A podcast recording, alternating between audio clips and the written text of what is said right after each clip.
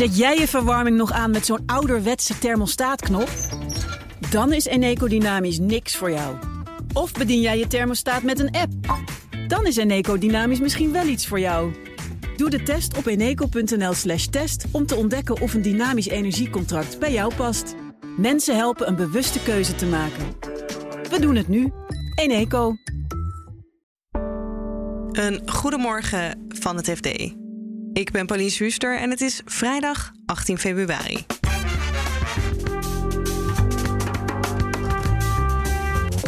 Je gaat waarschijnlijk het komende jaar veel meer betalen voor energie. Dit is echt een ongekend hoge stijging. Ik sprak de hoofdeconoom van het CBS.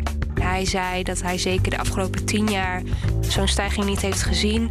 Als je een koptelefoon van een eurotje of 50 koopt en die gaat stuk, dan is die hoogstwaarschijnlijk ten dode opgeschreven. Ik wist niet dat het goedkope uh, ook betekende dat, dat hij mij het minste defect al meteen zou worden afgeschreven. En we duiken dieper in de cyberaanvallen waar Oekraïne mee te maken kreeg. Dit is de dagkoers van het FD. De energierekening stijgt dit jaar enorm. Het is bijna een verdubbeling ten opzichte van vorig jaar, blijkt uit CBS-cijfers die vanochtend werden gepubliceerd. Orla McDonald is onze redacteur klimaatbeleid en heeft de cijfers doorgespit. De energierekening stijgt volgend jaar met 86 procent voor een gemiddeld eh, huishouden in Nederland. En hoeveel is dat in euro's? Hmm, de stijging komt neer op ruim 1300 euro meer. Ja. En dan betaal je als Nederlander ongeveer 2800 euro per jaar aan uh, gas en stroom. Ja, en ik kan me voorstellen dat er nu wat mensen luisteren en uh, schrikken. Daar hebben ze denk ik ook wel uh, re recht op in de zin dat we volgens mij nog nooit zo'n stijging hebben gezien. Dit is echt een ongekend hoge stijging. Ik sprak de hoofdeconoom van het CBS. Hij zei dat hij zeker de afgelopen tien jaar zo'n stijging niet heeft gezien. En dat hij eigenlijk uh, denkt dat dit nog nooit voor is gekomen. Maar het CBS rekent niet zo veel ver terug tot in de jaren 60, zeg maar. Dus, uh, maar hij zei dat, dat het waarschijnlijk zelfs tijdens de oliecrisis van de jaren 70 niet zo'n zo'n hoge stijging van energie uh, heeft gezien. Waar komt het dan vandaan? Hoe, hoe, hoe is het te verklaren? De nasleep van de coronacrisis. Ja. Um, tussen Rusland en, en Oekraïne lopen de spanningen heel erg uh, op. Uh, Rusland ja. is een groot leverancier uh, van aardgas. Dus er is veel vraag naar voor het geval die gastoevoer helemaal ja. stilvalt. Onze gasbergingen zijn best wel leeg geweest.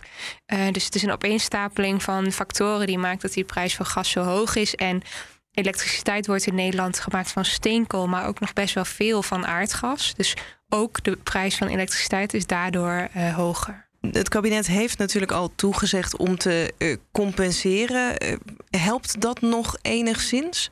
Dat helpt wel. Het kabinet zag vorig jaar al dat die prijzen zo aan het stijgen waren. En besloten toen om 3,2 miljard uit te trekken om burgers te compenseren voor hun energierekening. Het komt ongeveer neer op 400 euro per jaar voor een gemiddeld gezin. Dus wat ik net zei, we gaan, een gemiddeld huishouden gaat dus 2800 euro betalen. Dat was dus 3200 geweest als die compensatie er niet was. Ja. Ja, dus als je zou moeten compenseren, dan gaat het om zulke bedragen dat dat, dat waarschijnlijk niet gaat gebeuren. Ja, dat is de gro grote vraag. Ik denk um, die, dat vandaag zeg maar, je, je wel zult zien dat heel veel uh, partijen hierop zullen reageren. Want het is zo'n enorme stijging verwacht. De Consumentenbond, oppositiepartijen. Dus de politiek zal wel enorme druk voelen om, uh, om hier toch iets aan te doen. Wat voor opties hebben ze dan, mochten ze die druk inderdaad zo hoog worden? Ja, misschien uh, mensen op een andere manier in hun koopkracht uh, repareren of bepaalde inkomensgroepen ja. zeg maar in Nederland um, uh, compenseren om het toch een beetje behapbaar te houden. Want zo'n algemene compensatie als 3,2 miljard, wat ze de vorige keer hebben gedaan, ja, die was echt voor iedereen. Ja. Uh, dat zullen ze denk ik nu niet meer zo snel doen. Um, en wat je ook kan doen is meer subsidie geven voor verduurzaming, zodat mensen hun huizen beter kunnen isoleren, minder gas gaan gebruiken. Als je geen gas gebruikt uh, of een heel laag energieverbruik hebt, dan uh, kan je er zelfs voor volgend jaar toch nog op vooruit gaan. Oekraïne heeft het zwaar. Ze worden niet alleen bedreigd door een mogelijke Russische inval, ze kregen deze week ook nog te maken met cyberaanvallen. Ik praat erover met Stijn van Gils, onze tech-redacteur. Waar het nu uh, over gaat, is dat de twee banken zijn uh, aangevallen. Met eigenlijk een hele eenvoudige aanval. Uh, en het ministerie van Defensie. En, en, het ministerie van Defensie, de, de website daarvan is inmiddels nu, nu gewoon weer in de lucht. Ja. Tenminste, de laatste keer dat ik keek. Ik wou net zeggen, dat kan op elk moment kan dat weer anders zijn. Ja. Hoe, hoe, groot was de impact daarvan? Bijvoorbeeld op zo'n bank. We hoorden verhalen over mensen die niet konden pinnen, maar toen bleek dat toch wel weer te kunnen. Ja, ja, ja. Het laatste wat ik daarvan begrepen heb, en, dat is super lastig in, in ja, zo'n half, halve oorlogssituatie, dat je ook een heleboel misinformatie krijgt van, van alle kanten. En dat, dat, ja, dat het ook voor ons heel moeilijk is om te beoordelen wat, uh, wat nou exact waar is en, en wat niet. Maar het laatste wat ik ervan gehoord heb, is dat, dat op bepaalde plekken pinapparaten ook daadwerkelijk niet, niet werkte, maar dat het gros wel gewoon functioneerde. Hebben we een idee, kunnen we zeggen wie erachter zit? Ja, er wordt heel veel naar Rusland gewezen. Uh, en uh, de, de, de, reden dat er naar Rusland gewezen wordt, is dat uh, het past sowieso goed in, in het opvoeren van de dreiging.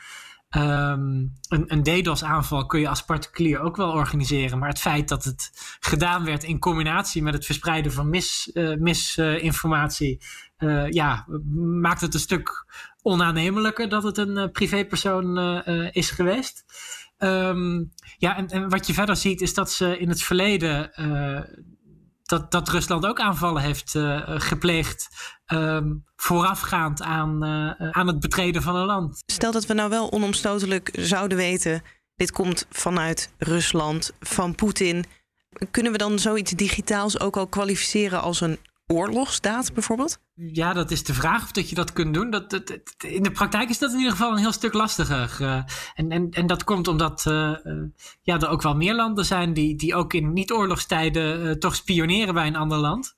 Ja, en, en, wanneer je dat dan een oorlogsstaat noemt, ja of nee, dan, dan is een tank toch een heel stuk duidelijker wanneer een tank een land bestreedt dan, betreedt dan, dan, dan wanneer het iets digitaals is. Eerder hoorden we al via BNR Nieuwsradio dat de aanval ging via datacenters in Nederland. Inmiddels is er ook op last van de politie uh, server offline uh, gehaald. Is er daarmee dit deeltje van Nederland over?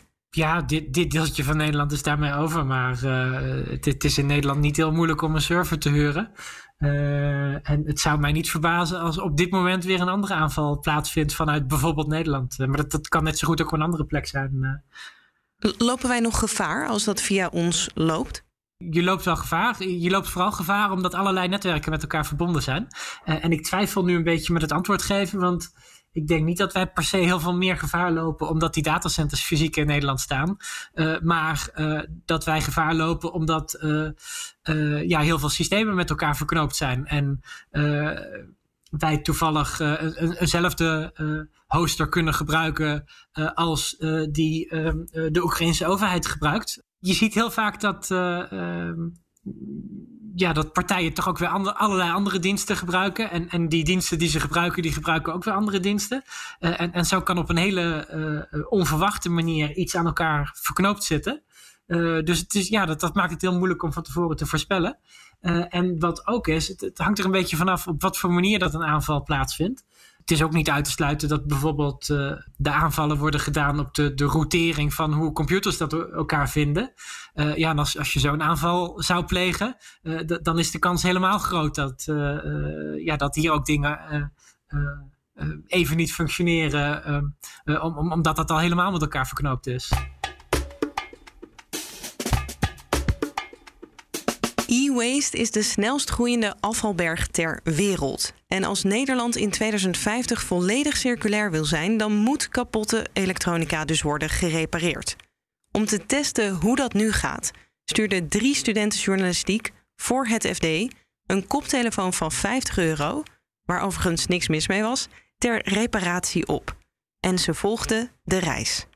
Jorit Verkerk is een van die studenten en legt uit waarom reparatie zo belangrijk is. Dus je kan van een gerecyclede koptelefoon geen nieuwe koptelefoon maken, maar een veel laagwaardiger product. En met reparatie behoud je zo lang als mogelijk de energie die in een eh, product is gestopt. Hoe is dat dan eh, in zijn werk gegaan? Jullie hebben een koptelefoon die niet stuk was, opgestuurd alsof die stuk was met een, een tracker erin? Wij wilden eigenlijk weten van oké, waar gaat zo'n zo'n apparaat nou heen als je, als je dat terugstuurt ter reparatie? En daarvoor hebben we er inderdaad een locatietracker ingestopt. Dus ehm, konden we elke, elke, elke kilometer die die aflegde, konden we volgen. Waar ging die heen? Want nee, je brengt hem dan naar een punt en dan waar komt hij dan terecht? De eerste bestemming is ook meteen de belangrijkste, denk ik. Dat is um, Zes Goes. Ja, reparatie slash distributiebedrijf voor consumentenelektronica. Dus bol.com en Mediamarkt bijvoorbeeld, die sturen allemaal hun kapotte elektronica daar naartoe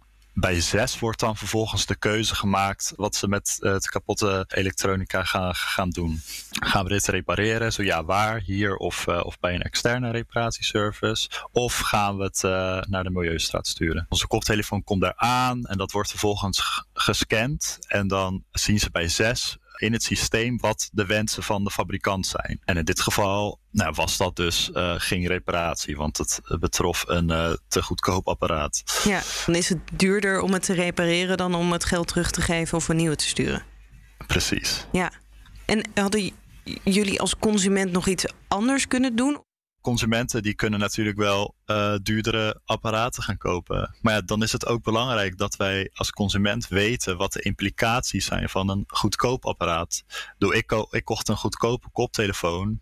Uh, en ik wist wel van nou, dan is de geluidskwaliteit wat minder goed. Nou, jammer dan. Maar ik wist niet dat het goedkope uh, ook betekenen dat, dat mij het minste defect al meteen zou worden afgeschreven. Het kwalijke daar, daarvan vind ik dat Bob.com in dit geval daar helemaal niet open over is. Want er staat gewoon letterlijk, uh, onze monteur gaat ermee aan de slag. En ook als dan uiteindelijk blijkt dat hij niet wordt gerepareerd, dan krijg je een mail. Onze reparatieservice heeft aangegeven het niet te kunnen repareren. Wat natuurlijk impliceert dat er een reparatieservice naar heeft gekeken. Maar dat, maar dat is dus niet zo. Nee. Want je, je hoeft geen monteur te zijn om te zien dat die koptelefoon niet stuk was. Nee, niemand heeft hem eigenlijk überhaupt ingeplucht om te kijken, doet hij het?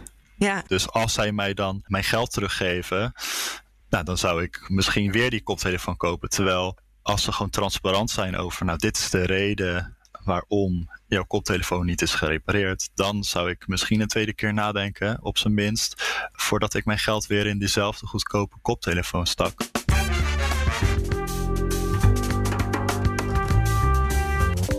Dit was de dagkoers van het FD. Op fd.nl lees je meer over deze onderwerpen en volg je bijvoorbeeld ook de hele reis van de koptelefoon. En natuurlijk volg je ook het financieel-economisch nieuws. Als je dagkoers wil volgen, zoek ons dan even op in je favoriete podcast-app en klik op abonneren. Dan staan we maandagochtend weer voor je klaar. Een heel fijn weekend en tot maandag.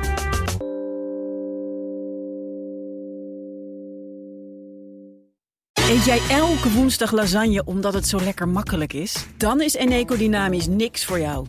Maar kook jij het liefst elke keer wat anders met het risico dat ze zeggen... Ja dag, dat gaan we echt niet eten. Dan is Eneco Dynamisch misschien wel iets voor jou. Doe de test op eneco.nl slash test om te ontdekken of een dynamisch energiecontract bij jou past. Mensen helpen een bewuste keuze te maken. We doen het nu. Eneco.